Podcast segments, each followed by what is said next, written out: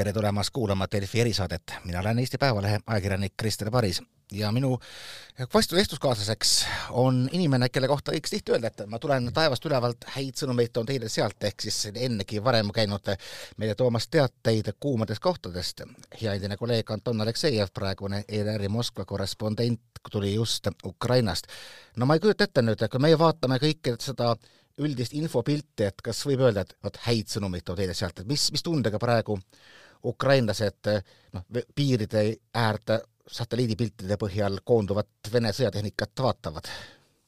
no tegelikult tere ja tegelikult ukrainlased praegu rõhutavad, no ma räägin ekspertidest ja poliitikutest, et äh, Ukraina ei ole niisugune kosmosedržaava ehk kosmoseriik, et Ukrainal endal ei ole nii äh, nii palju infot, nii nagu ei ole piisavalt infot, et öelda, et jah, kas on seal Vene väed või ei ole, aga nad äh, muidugi usaldavad oma lääne partnerid, ehk kui ameeriklased ütlevad, siis tähendab see, see vägede arv, Vene vägede arv ongi selline umbes sada tuhat. ja kui ameeriklased ütlevad, et äh, sada seitsekümmend viis tuhat võiks olla juba jaanuari lõpuks, no siis tähendab, nii see ongi. ja põhimõtteliselt see tuletab natuke meelde Maria Zahharova ehk Vene välisministeeriumi pressiesindaja sõnu, et no näete, et nad ongi USA marionetid, et mida ameeriklased ütlevad, seda äh, ukrainlased nagu kordavadki. ehk äh, aga, ja sellepärast võib-olla ongi nii, et Kiievis näiteks ei ole mingi nagu tunded, et vot, hakkab sõda et varsti, varsti, et me oleme nagu sõja lävel, et vot. et õhuhäireid ei tehta. no vot absoluutselt, õhuhäireid ei tehta ka seal niinimetatud äh, sõjatsoonis.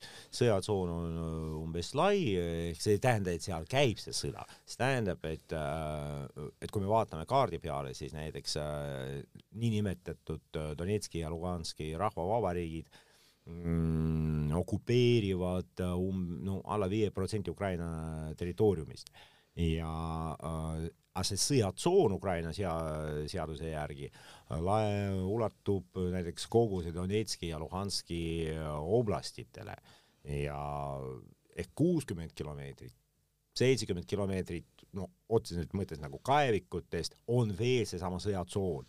Kuskil on vahepeal midagi kuulda, et näiteks siuke pumm-pumm ehk mingid plahvatused, aga, aga see ei muuta midagi, inimesed juba seal elavad juba aastaid, no niisuguses nagu olukorras ja keegi ei usu, et praegu hakkab mingi rünnak, sest kõik näevad, et äh, mitte kellelegi see mitte midagi ei too noh, ma olen ise ka käinud selles äh, sõjatsoonis ja ütleme, päris lähedal rindele, mitte küll võib-olla nii lähedal kui, kui sina, aga ikkagi ka juba siis äh, palju aastaid tagasi noh, inimesed kartsid sellist äh, ootamatut kuskilt separatistide poolt tulevat mürsutuld, mis lihtsalt tabab järsku mingisuguseid maju ja puha.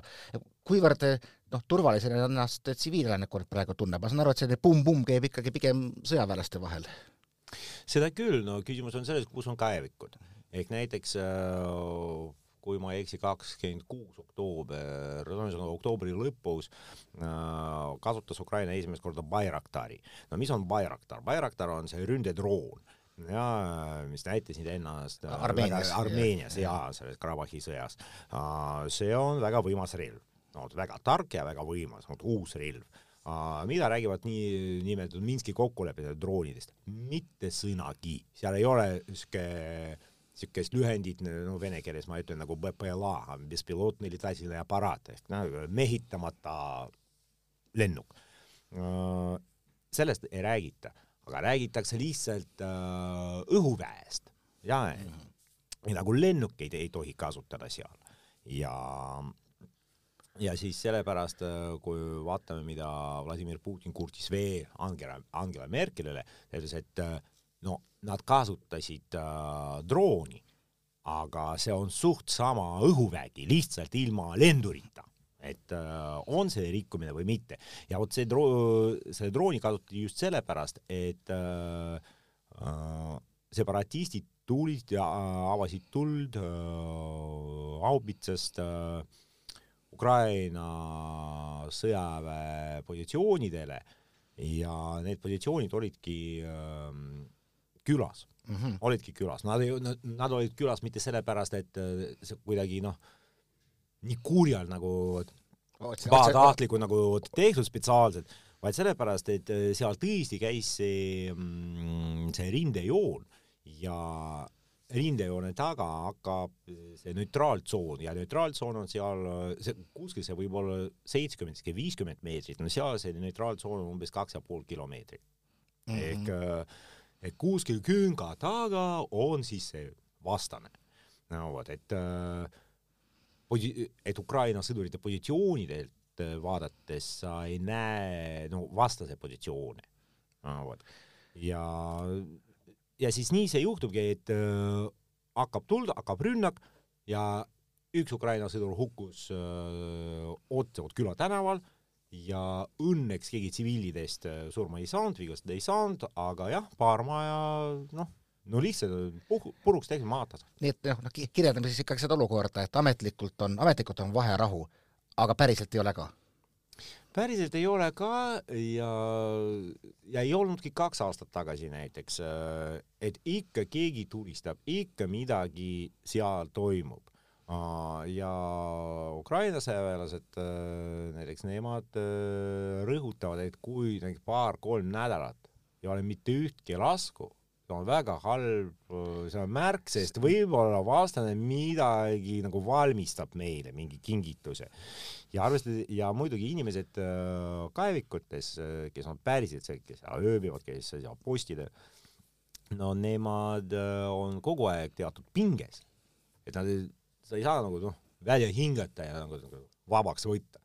et äh, nemad ongi kogu aeg pingis, kogu aeg stressis ja muidugi mingi hetk, no nad ei pea vastu, kui sa kaks nädalat seal oled. siuke ja midagi ei toimu. no siis sa juba noh tahaks midagi teha. natuke, ei no nad ise nagu ei tulista, aga, aga, aga ja järsku tuleb tuld ja järsku siis sind provotseeriti, sest sa, sa hakkad vastama ja siis sinust saab äh, snaipri jaoks äh, ideaalne märklaud. no ma olen lugenud äh, noh, erinevate analüütikute väiteid, et noh, noh üks muidugi on see hästi, hästi selge, et see Ukraina armee pole võrreldav kahe tuhande neljateistkümnenda aastaga, aga et ikkagi nad on ka päriselt tugevaks muutunud ja räägitakse noh, Ameerika nendest Javelini antitankirakettidest, mis küll vist rindel ei ole, vaid on kuskil kaugel eemal ladudes. aga et kui kogu selle asja taustal, et mis mulje sulle jäi, et mis nende noh, moraal praegu päriselt on, sa just kirjeldasid seda pingesist situatsiooni rindes? no mina võin öelda, et ma nägin enamus no lihtsalt sõduritest mm, -hmm. reameestest, ütleme nii, kes seal kaevikutes on, nad on ikka kohalikud. ikka kohalikud, nad ei ole kutsealused, et kui poiss saab kaheksateist, teda kutsutakse sõjaväkke, see ei tähenda absoluutselt, teda saadetakse sinna, selleks on vaja noh, lepingut sõlmida sõjaväega. pärast kohustusliku ajateenistuse mm -hmm. nagu läbimist. ja ehk seal on vabatahtlikud, nagu õpetatud, nad on noored, nad on näiteks üheksateist, kakskümmend, kakskümmend kaks ehk need, kes ei, äh, kuna seal kogu need majandussuhted selles regioonis, sise, regiooni sisesed, ütleme nii, Donbassi regiooni sisesed on äh, rikutud praegu. ehk äh, siin oli süsi, siin oli tehas, siin oli vabrik, siin oli mingi kombinaat, äh, nad olid kuidagi omavahel seotud. siis, siis, siis, siis sa ei too, sa ei toogi vett no,. jah ja,, siis vot äh, nüüd kogu see süsteem on äh, rikutud ja tõesti, seal on äh, tööga suured probleemid. et töötuid on, on palju ja kui sa oled noor mees ja töötu ja sa oled töötu just selle olukorra tõttu siis äh, ilmselt sa oled pahane ja küsimus on ainult selles, et äh, keda sa hakkad vihkama, kas Kiievit või neid separatiste. kui sa vihkad Kiievit, siis sinu tee on selge, et mine sina rahvamiilitsa ridadesse. kui aga enamus on ikka, ikka on selge, et äh, Ukrainas, isegi praeguses Ukrainas, kus Ida-Ukrainas, kus äh, valitseb meie poolt vaadates, no vaesus, eks sihuke razruha, no kõik nagu kõik laaguneb, kuigi isegi midagi ikka ehitatakse ka. Ja siis sa lähedki sõjaväkke. et sõjavägi on selles mõttes noh, kindel, kindel leib siuke no vot ja, ja nad lähevadki ja ja muidugi nad, nad on oma riigi patrioodid, no ma ei tea, mis maani nad on oma noh, nagu Ukraina riigi patrioodid, aga ilmselt patrioodid, kui nad äh, riskivad oma eluga seal, aga selge on see, et nad tõesti vihkavad oma, oma vastast vot ma tahtsingi just küsida, et kuidas on nende suhtumine noh, inimestesse teisel pool, no vastast kui võimu, kui armeed on üks asi, aga mäletan, kui ma käisin seal ise, noh, ma arvan, see oli siis nüüd juba kuus aastat tagasi, siis ikkagi inimesed käisid üle mingite nende kontrollipunktide teisel poolel, kes pensionäre, kes niisama sugulaste külas ja nagu nad kõik rõhutasid, et ma ei tea, mõnikord on pärast suurtüki tuld, me helistame teisele poolele ja küsime, et olete ikka elus veel ja et nad olid nagu need inimlikud kontaktid olid säilinud. no jaa, no see oli ka ammu, et äh, nüüd ma näen, et kasvas juba põlvkond, et äh, mis ei mäleta seda ühiselu mm -hmm. või kes mäletab, no ikka see, see, see ei ole Karabahh, kus äh, see kestis kakskümmend seitse või kolmkümmend aastat jah, aga, aga nad on ikka, no Karabahhis olid armeenlased ja aserbaidžaanlased, kaks erinevat rahvast, mis siin, mis siin öelda, aga siin on nagu sama rahvas, siuke ida-ukrainlased, kes on peaaegu venekeelsed oma väikse aktsendiga, kes räägivad suržik, suržikis ehk äh, segavad aktiivselt nii ukraina kui ka vene sõnu. Ja suht sama rahvas. Ja no kuidas öelda, et jaa, ei ole enam need sidemed nii tugevad, nii tugevad nad ei ole ja ja küll on neid äh, kontrollpunkte, kus võib käia, kuigi pandeemia tõttu enamus nagu pandi kinni. praegu töötab, kui ma ei eksi, ainult kaks, üks Luhanski oblastis Stanitsa Luhanska ja see töötab iga päev ja mm, Donetski oblastis äh, Novotroitski, see töötab, kui ma ei eksi, kolm päeva nädalas. ja kõik on väga kurb, inimesed tõesti suhtlevad vähem.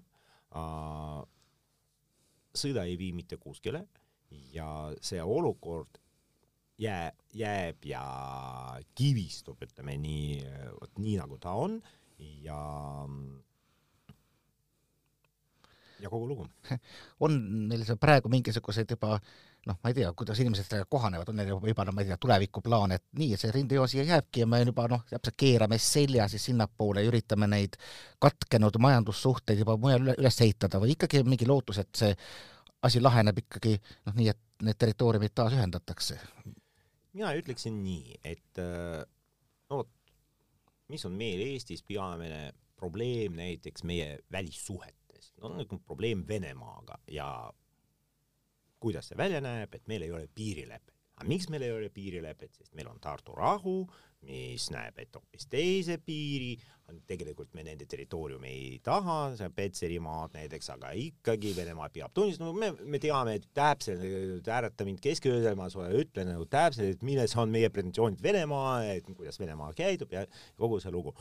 ja seal on, seal on nii, et äh, iga samm, ütleme nii äh,, separatisti teisele poolele nagu vastu äh, Kiievis, kohe saab, äh, ütleme nii, patriootide luubi alla. Ehk äh, seda võib äh, hukka või mõista, nagu Venemaa seda teebki äh,, öeldes, et aa, vaadake, see hunta Ukrainas, et isegi Zelenskõi tahtis midagi algusest peale midagi head teha, aga ikka ei saa, sest seal on need fašistid, kes segavad teda ja kes teda piiravad, kes mõjutavad teda, ähvardavad et äh, neid on vähe, aga nad on nii ohtlikud.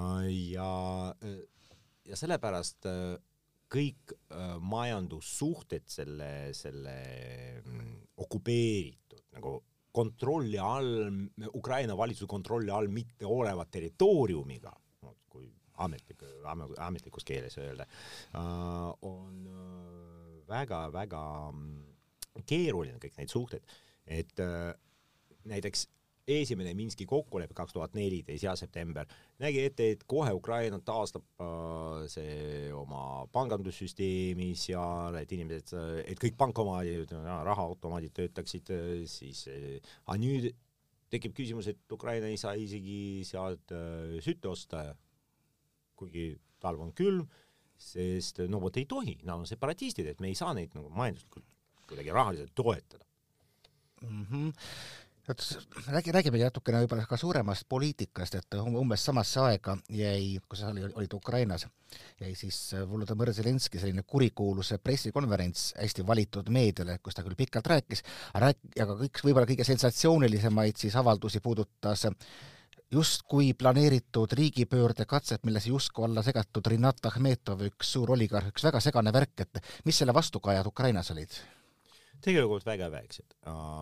see, ütleme nii, et see oli president Zelenskõi võib-olla mitte, mitte parim sõnavalik. et äh, muidugi mingi riigipöörded äh, sinna ei tule ja nii, et nagu sõjaväelased nagu tuleksid, kukutaksid Zelenskit, ei ole mingit Maidani, ei ole, et, et no ma ei näe, kuidas Zelenskõi võik, võiks korrata näiteks või Zelenskit võiks tabada Janukovitši saatus, et president peaks kas põgenema või Salvador nagu Salvador Allende nagu langema oma, oma palee kaitsemises. aga selge on see, et jaa, seal on vasturääkivused, väga tõsised vasturääkivused, kehtivad nad juba kolm kuud ja seotud on see sellega, et äh, Zelenskõi ja tema meeskond äh, algatasid siukene antioligarhide seaduseelnõu. nüüd see jõustus ja see tõesti, et nagu milles on see, see sisu, et oligarh, kui sa oled oligarh, siis sa ei saa olla, eh, kui sa oled nii rikas, üle mingi miljardit, sadu miljardit, ehk siis äh, sa ei saa olla meediaomanik või kuidagi see meediaomanduse kuidagi piiratakse. Ja, aga kõik oligarhid seal, neil on oma taskutelekanalid, ja, ja, ja, ja nii hakkaski see sõda sellest, et äh, Renat Ahmetovile kuuluvad telekanalid hakkasid äh,, algasid, algatasid mingi siuke infosõda Zelenski vastu no ja seal oli mingi mak-, maksmata arved ja taastuvenergia eest ja kõik muu selline, mis nagu jääb nagu pigem selliste oligarhide omavaheliste äh, suhete raamidesse, aga noh, kuidas sina nagu nüüd, nüüd hindad jälle seal käies, et, et noh, oligarhide vastu võitlemine ühest küljest on, ütleks, et teretulnud ettevõtmine, kui seda, kui seda ei asenda siis ütleme, selline vertikaal, vaid ikkagi mingisugune normaalne demokraatia. Ja oligarhidest kas lahtisaamine või nende mõju vähendamine oli ju ka Zelenskõi üks valimislubadusi, et noh, kui kui edukalt on nüüd Ukraina kogu selles virvarris, sõda ühelt poolt, sõda võib, noh, mitte sõda, siis selline pinged oligarhidega riigis sees, üldine vaesus, oma suutnud ikkagi oma demokraatlikku ilmet säilitada või arendada? no vot äh,, väga tore küsimus ja jään vastuse võlgu, sest äh, ma näen kui me käisime veel Kristjan Svirsteniga näiteks aprillis ja kui oli see eelmine nii-öelda olukorra teravnemine, jah, kontrolljoone, joone ümber, siis äh, ükskord tahtsime me tankida meie auto ja ütles meie autojuht seal, et nii, peame tankima, aga tankla tuleb umbes paarikümne kilomeetri pärast. ma ütlesin, no vot ongi tankla. ei, ei, see ei tööta, see on sanktsioonide all kuidas nii sanktsioonide all, ma ei, ma ei saanud aru, mis, mis tähendab sanktsioonide, selgus, et tegemist on hoopis teise oligarhiga, äh, kelle nimi on Viktor Medvedtšuk ja kes on, äh, äh, kelle lapse ristiisa on Vladimir Putin ise. Ja sihuke venemeelse ähm, erakonna opositsiooni platvorm Elu eest, no vot, opositsioonne platvorm Za Žižni. esimees, liider, juht ja ja siis äh, Ukraina Julgeolekunõukogu. Organ äh, ise võib nüüd nagu kehtestada sanktsioonid sanktsioone riigi sees, riigi sees, et no kui inimene, kui, te, teile tundub, see on ilmselge, et kui, kui, kui teile tundub, kui te no põhjust arvata, et keegi no, pani toime mingi, mingi kuriteo, siis noh, võtke teda vahe alla, andke teda kohtu alla, nagu noh, kuidas see meil näiteks, mis tähendab sanktsiooni? E, e, e, ja, ja ei mingi politsei, mingi uurija või ma ei tea, prokurör ei ole sellega üldse kaasatud. presi-, puhtalt presidendile alluv organ. jaa, see on, see on ikka imelik, et kuidas, kuidas see on demokraatia põhimõtetega kooskõlas, ma, ma ei saa aru.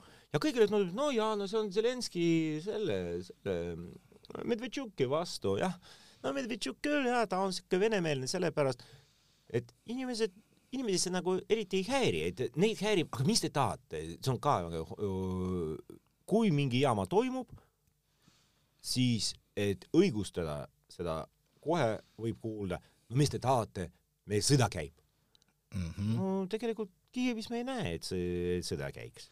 noh, minu meelest üks Ukraina selliseid läbivaid jooni, millal iganes peaaegu sinna minna, välja arvatud väga sellistel teravatel tipphetkedel, on see, kõik ütlevad, et me oleme ikkagi kogu selles poliitikas nii pettunud ja puha ja see, et ütleme praegu, kui öeldakse, et Zelenskõi populaarsus on väga madal, no see on vist umbes Ukraina liidrite saatuseks olnud kogu aeg, mäletan, kui me käisime kunagi võtmas autogrammi Viktor Jušenkult, kes oli tohutult populaarne ja sel hetkel, kui me võtsime, oli ta populaarsus võib-olla viis protsenti. jaa, no tegelikult teiste um teiste presidentidega, Ukraina presidentidega võrreldes Zelenskõi on asi veel enam-vähem, sest ta on praegu ma ei eksi, kakskümmend üks protsenti toetab teda, see on üsna hea, ta on juba kaks aastat võimul, kaks ja pool aastat võimul ja et niisugune lang-, langus on isegi noh, väga-väga nagu mõõdukas, ütleme nii, et teistel oli kohe nagu reiting maas.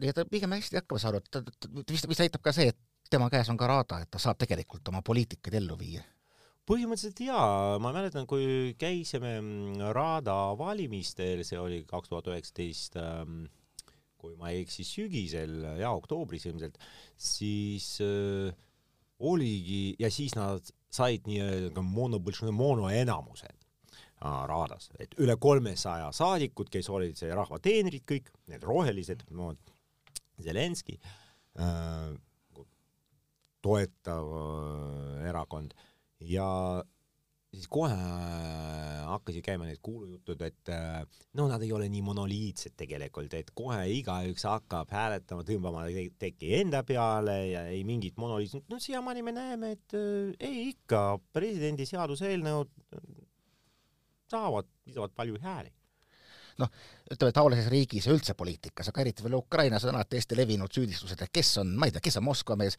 kes on kelle oligarhi mees, noh, Zelenskõi puhul tuleb kohe Ihar Kalameski, et äh, kuidas üldine suhtumine praegu on, et noh, ta ei ole ju Moskva mees, ta on ikka, ikka Ukraina inimene? ma arvan, et see on Ukraina super sihuke mm, supervõim, et ähm, ükskõik, kes saab Ukraina presidendiks, noh, pärast Janukovitšit, kuigi Janukovitši puhul võib ka arutada, aga ükskõik, kes saab Ukraina presidendiks, saab siis Ukraina-meelseks.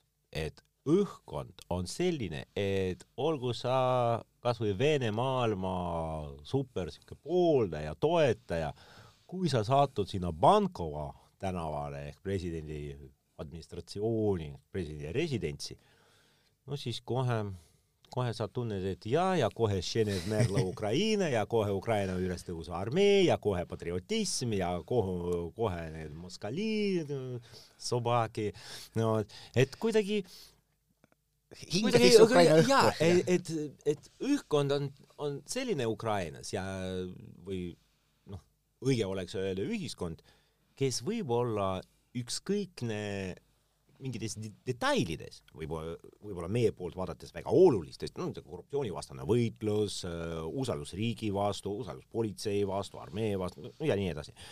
aga, aga nad täpselt teavad, mida nagu lubada ei tohi, mida võimule lubada ei tohi. et äh, nüüd kuidagi öelda, et me lepime Moskvaga kokku, noh, no kuidagi aga milleks, et, et, et see on, jaa, et see on lihtsalt solvav. võib-olla Ukraina tõesti, no ma ei tea, ma ei, ma ei ole majandusteadlane, võib-olla ongi Vladimir Putinil õigus, et ukrainlased ja venelased on, on, no nad ei ole üks ja sama rahvas, on vennasrahvad ja kui nad koos oleksid, no nagu meie siin kõik Euroopa Liidus, võib-olla selleks tuleks ukrainlastele rohkem äh, kasu kui kahju. võib-olla. no see oleks neile lihtsalt solvav ja ilmselt nad on nõus selle selle oma nagu au, au eest ja iseseisvuse eest äh, maksta ja muidugi nad süüdistavad võimu, muidugi ja kõik on nii nagu on, et võim on halb, et Zelenskõi on halb, oligarhid on halvad. võib-olla isegi Putin on võib-olla natuke okei okay,, aga ikkagi Ukraina ei ole Venemaa puudutame veel lõpuks ühte teemat, mis, ma ei tea, siin Eestis ta pälvis veidike tähelepanu. see oli tegelikult üks eelmise aasta sündmus, kui Valgevenes võeti kinni kolmkümmend kolm Vene Wagneri palgasõdurit. Ja keegi ei saanud täpselt aru, mis nad seal teevad.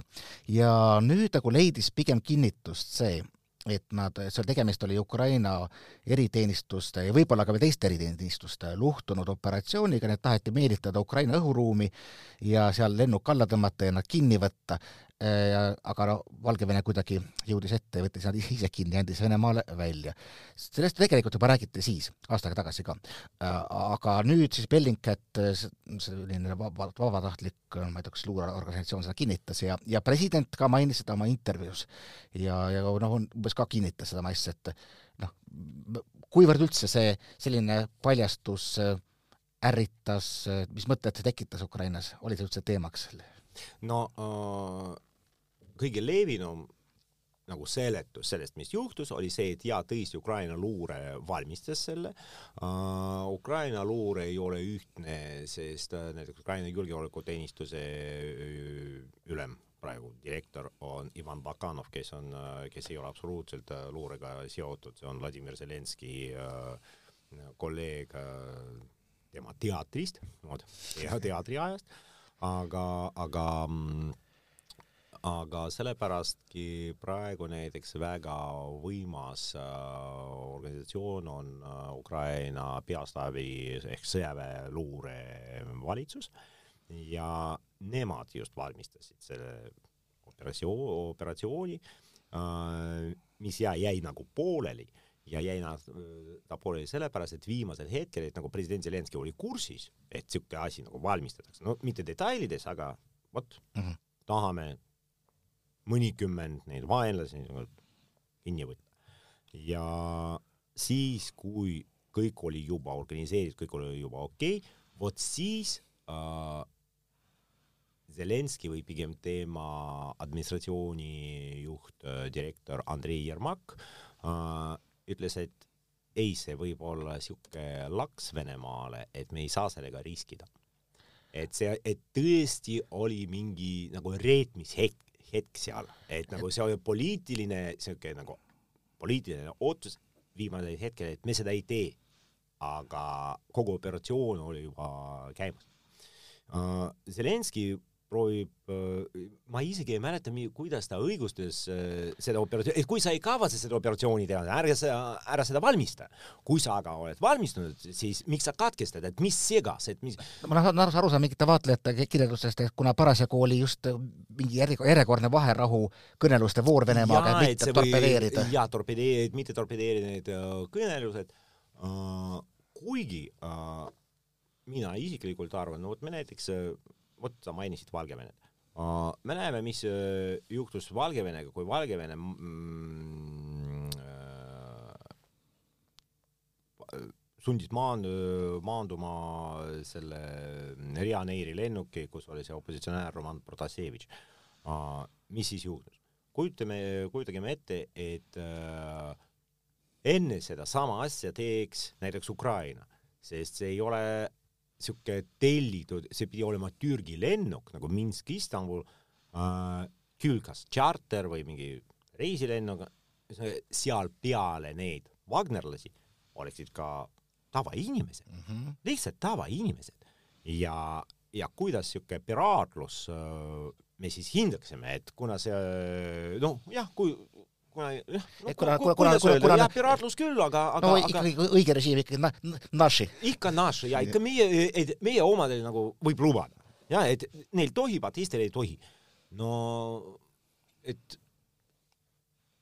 ja milles on, milles on nagu selle, selle mm, operatsiooni ütleme nii noh, mm, nagu mõte, nagu eesmärk see tuletab meelde näiteks Iisraeli Mossadi operatsioone pärast äh, Musta Mü-, Müncheni ja mm -hmm.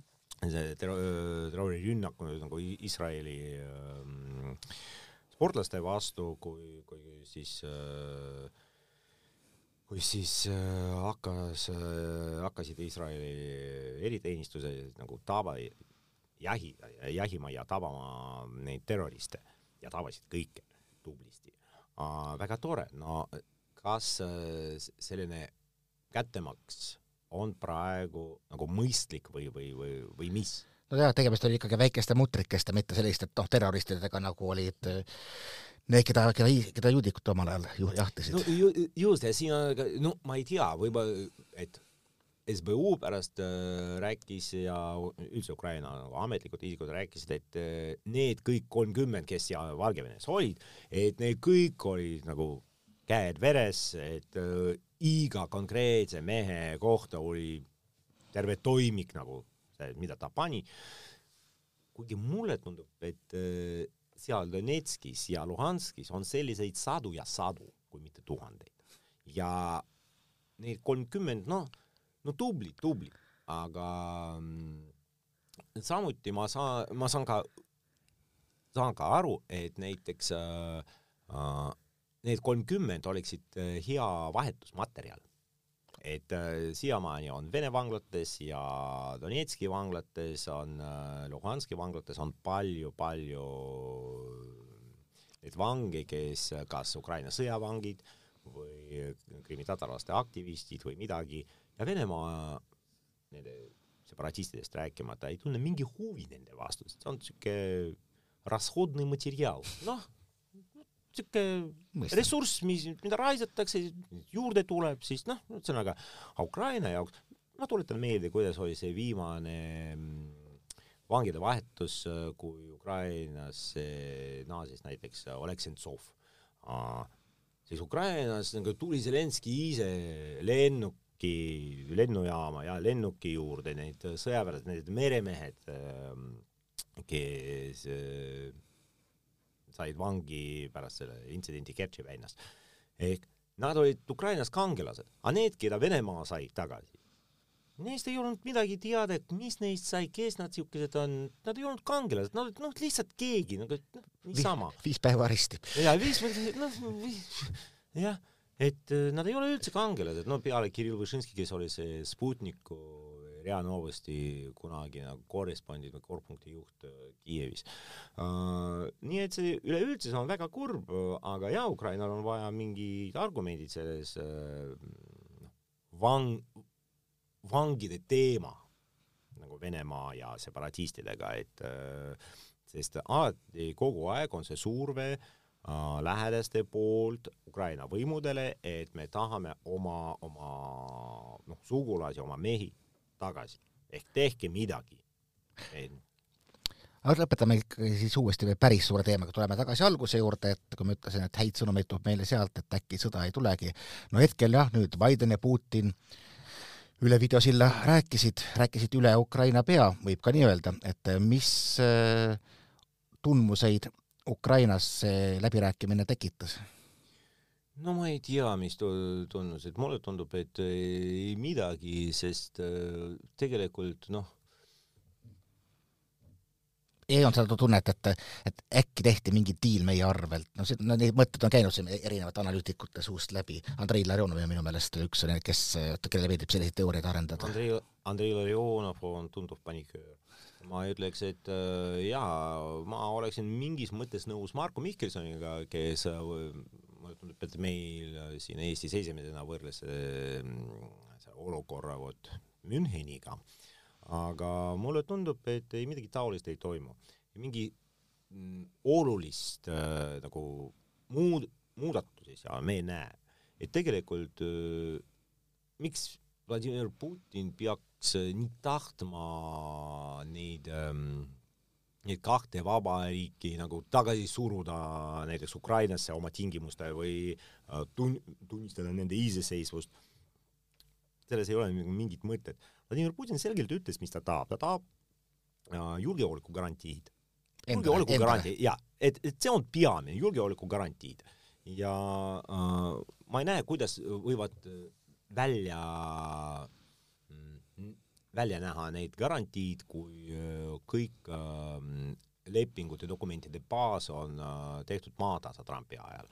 Trump astus välja paljudest ja enne Trumpi Obama astus välja paljudest lepingutest, mis, mis olid võib-olla vananenud, aga nad ikka olid ehk tavarelvastuse leping ehk see Pro ehk raketi, raketileping, keskmaa raketileping, seal on toodud palju lepinguid, et neid äh, avatud taevas näiteks, mille raames äh, kontrolliti äh, lennukil nagu vastase nii-öelda teise osapoole territooriumi, et äh, nüüd tuleb kuidagi taasehitada kogu selle kontroll, vastase kontrolli mehhanismi, sest usaldus lihtsalt, vot, mina ütlen, et ma ei paigalda oma tuumarelvi Harkovi alla. no kas sa usaldad mind? no issand, Venemaa on veendunud ja Vladimir Putin ise veendunud, et Venemaa, Venemaad kogu aeg petetakse, et lubati, et NATO, NATO ei laiene. aga tema ikka laieneks. no vot on nende seisukoht. nüüd ma ei tea, peame, et kuidas seal Donbassis läheb, see on natuke teiste, teisejärguline asi.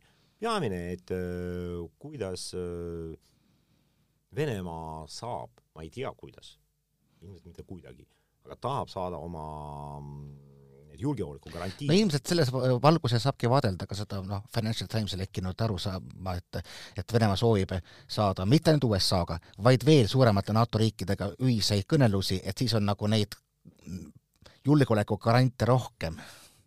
Äh, ja no ma ei ole selle, sellega nõus, mulle tundub, et äh, näiteks kui vaadata, kuidas Venemaa äh, viimase kahe kuu jooksul ennast käitub, vot nagu lääne suunas, vot see julgeoleku suunas, me näeme näiteks, et Vene välisministeerium avaldas diplomaatilise kirja, diplomaatilise kirjavahetuse Lavrovi ja tema Prantsusmaa ja Saksamaa kolleegide vahel. ehk see on niisugune laks äh, öö, oma partneritele Normandia formaadis, et öelda, et teiega pole mõtet rääkida. Ja nüüd ma arvan, et äh, no oleks loogiline, et Vladimir Putin näeks, et no, et kui me loeme selle kirjavahetuse, siis me näeme, et seal äh, Pariis ja Berliin äh, just kinnit-, kinnitavad Lavrovile, et äh, vot see, selline vot teie nagu dokumenti, vot selline punkt äh, ilmselt ei ole Kiievi jaoks vastuvõetav. Ja sellega ei saaks ka nõustuda. Ja sellega ja nad käituvad Moskva poolt vaadates nagu see Kiievi advokaadid. No vot mm, -hmm. ja mis siis nendega rääkida, tuleb rääkida mitte advokaadidega, vaid äh, kuriteo organisaatoriga ehk USA-ga ehk Normandia Normandiaks, aga räägime otse USA-ga ja ütleme, et kuulge, me võime teile, mitte Ukraina, Ukrainale selge, et me võime tekitada probleeme, me võime teile tekitada probleeme. Uh,. et näete, me oleme mures, meie julgeolek on ohus, ehk tehke midagi oma nii-öelda käe oma marionetiga, et see käituks ikka noh, normaalselt, et täidaks Minski kokkuleppe. probleem on selles, et äh, nii palju, kui mina te, tunnen Ukraina ühiskonda, see, see oli nii kümme aastat tagasi, viis aastat tagasi ja nii see jääbki praegu, et see ongi probleem, et äh, Ukraina ühiskond on natuke oma hinges sihuke Mahnovliga ehk nagu Batska Mahno ehk natuke anarhiline ehk nagu, nagu öeldakse, nagu on see Ukraina naali kaks ukrainlast, kolm hetmanit ehk kolm väejuhti, ehk siis äh, on väga raske, et isegi kui Zelenskõi nõustub või keegi teine president või teine poliitik, teised poliitikud, paar erakonda, kes iganes, ütlevad, et no väejuhid, ma ei tea, kaitseminister, kes iganes, no nõustub niisuguste tingimustega, et jaa, nüüd me anname Donbassile mingi autonoomia, mis tähendab Donbassi autonoomia? Donbassi autonoomia tähendab suht seda, et äh, Ukraina ei astu NATO-sse, et, et kui on mi-, laual on mingi suur plaan, kuidas jälle nagu liituda, teha veel ühe sammu nagu lääne poole, siis Donbassil on mingil määral oleks vetoõigus ehk siis vot see ongi see eristaatus, mitte ainult, et nemad seal oma koolides võivad vene keeles rääkida et äh, nii, see on palju tõsisemad asjad ja, ja siis äh, tekibki küsimus, et äh, aga kuidas Washington võiks seda mõjutada? no võib öelda ka, ärge tulistage. ja siis nõuda Venemaalt ka midagi. ehk ma arvan, et Vladimir Putini positsioon, me, meile kogu aeg millegipärast tekib, tundub, et ta on niisugune jõuline, kes kogu aeg ähvardab. No ma ei usu absoluutselt, et kui näha, kuidas Putin räägib, ta räägib ka kogu aeg, et te vaadake, et tegelikult teie olete võimsad ja mõjukamad. meie oleme küll ja me võime ähvardada, aga tegelikult miks me seda teeme? meie, et, et Marko Mihkelson eile ütles, et äh, see on nagu esimene, pärast teist maailmasõda siukest nagu kriisi Euroopas ei olnud. jaa, Euroopas ei olnud, aga maailmas oli küll. Kariibi kriis. jah, ehk Venemaa jaoks on sama nagu ärkab kord Vladimir Putin ja näe ja talle tuleb tema adjutant või ma ei tea, kindral, vot ja ütleb, et noh, tuleb Šoigu ja ütleb, no vot, palju õnne, Vladimir Vladimirovitš, meie Sputnikud nägid juba, või mitte Sputnikud, aga piirivalvurid nägid niisama binoklis, et äh, piiri taga rajatakse NATO sõjaväebaas. seal on juba raketisüsteemid paigaldatud. ohoo, no vot see on sama nagu ükskord ärkas president Kennedy ja sai teada, et Kuubal on, vabandust, Vene raketid ja mm, nagu ütleme, lennuaeg äh, Washingtoni ja New Yorgini on noh, ma ei tea, suht viis minti. no vot, täpselt samamoodi räägib praegu Vladimir Putin, et vaadake, kui see infrastruktuur tuleb meie piiride, vot just piiride taga, siis mis me peame tegema? et me, ja me ei tea, mis peame tegema.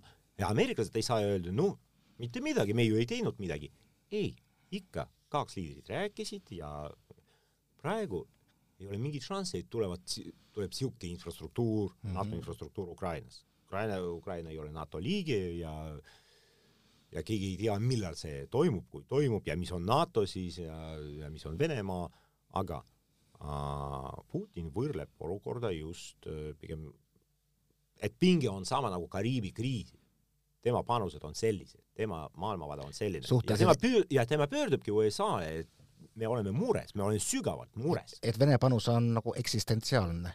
jaa, see on äh, tõesti, me näeme, et meid peedetakse aastaid ja aastaid, aastakümneid ja meile, meile valetatakse, lubadusi ei peeta, äh, kõik, äh, kui mingi leping segab või välistab mingit tegevust, siis te astute sellest lepingust välja. ja me oleme nagu paljad, me oleme paljad ja hakkame ennast kaitsma ja nüüd teie tegutsete meie vastu oma proksi kaudu ehk Ukraina. Ukraina kätega teravnete, teravnete, provotseerite meid ja kui me hakkame mitte teid Ameerikas ründama või ka-, kaitsma ennast, vaid meie, ütleme nii, liitlased Donetskis hakkavad tulistama Ukraina positsioonidele, sest nad olid juba provotseeritud ukrainlaste poolt. Igavene see lugu keskelda provotseeris, vot siis me tuleme appi neile ja siis te ütlete, aa, see on juba rünnak kas või terve NATO, terve vaba maailma vastu ja me olemegi vot niisuguses olukorras, kus me peame ennast kaitsma. näed, et sõda käib meie piiri, piiri ääres, mitte teie piiri ääres. sellised panused. aitäh, Anton Aleksejev, ERR-i Moskva korrespondent. mina olen Kristjan Paris Eesti Päevalehest ja meie kuuleme siis vähemalt sama põnevatel teemadel loodetavasti juba järgmistes erisaadetes